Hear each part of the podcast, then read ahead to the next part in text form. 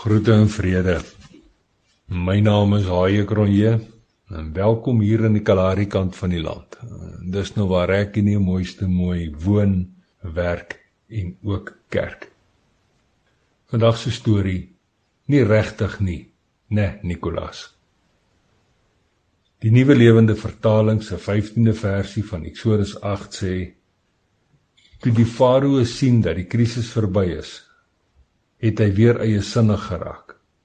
Hy het geweier om na Moses en Aaron te luister. En dit was presies soos die Here gesê het. Die dag was lank, warm en plek plek sweterig, want die werksaamhede op ons werf hou mos maar net nie op nie.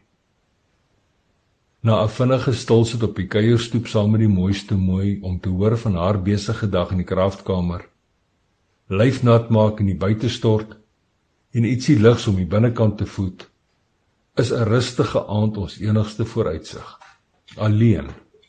Net ek en die mooiste mooi. Net ons twee alleen. Vir ware saligheid en iets wat ons nie altyd beskore is nie. Kort neffens 7 hoor die mooiste mooi die voorrekkie oopgaan en snork sommer minagtend deur haar neus. Wie tog wil ons aandag hierdie tyd van die aand ophuis vra sy. Beide van ons se doodstil en hoop dat die inloper word 'n uitloper. Marielaas. 'n Rukkie later, elkeen met 'n beker koffie in die hand, word daar met groot omslagtigheid en breedvoerigheid vertel van die probleem wat adres kom maak het in sy lewe van sukkel en sere en pyn en probleme sommer 'n hele kalarie vol. Ek luister aandagtig en geduldig, vra en wonder of ek hom weer van hulp kan wees.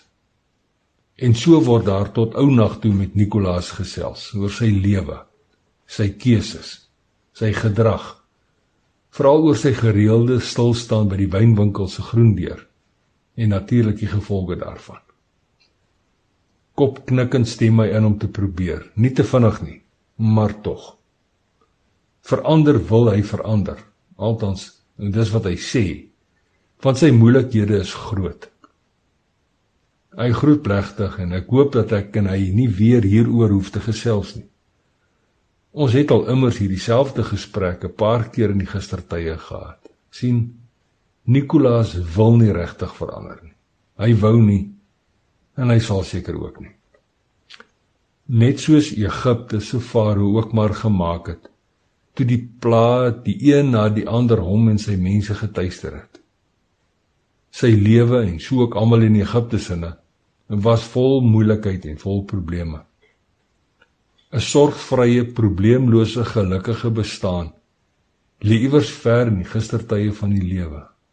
Farao moes iets doen en soek raad by raadgewers en towenaars. Selfs eksterne advies was 'n moontlikheid, maar dis alspuur verniet. Egipte en sy mense se probleme word meer en meer want die farao was doeteenvoudig net te eiesinnig en te hardkoppig om enige advies te aanvaar of selfs te verander. Farao kon nie en hy wou nie. Nes ons ook maar soms maak. Ons hoor ons smeek en vra en soek uit weer vir ons probleme.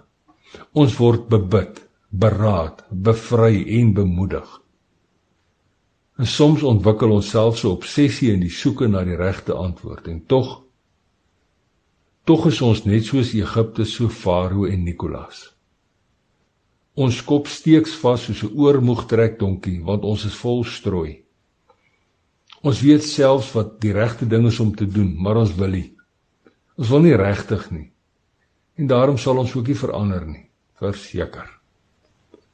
En terwyl Nicolaas in die donkerte van die ou nag wegraak, staan ek by die klein hekkie en ek wonder soms so oor myself, oor Nicolaas, oor Egipte se farao, oor jou en sommer weer oor my.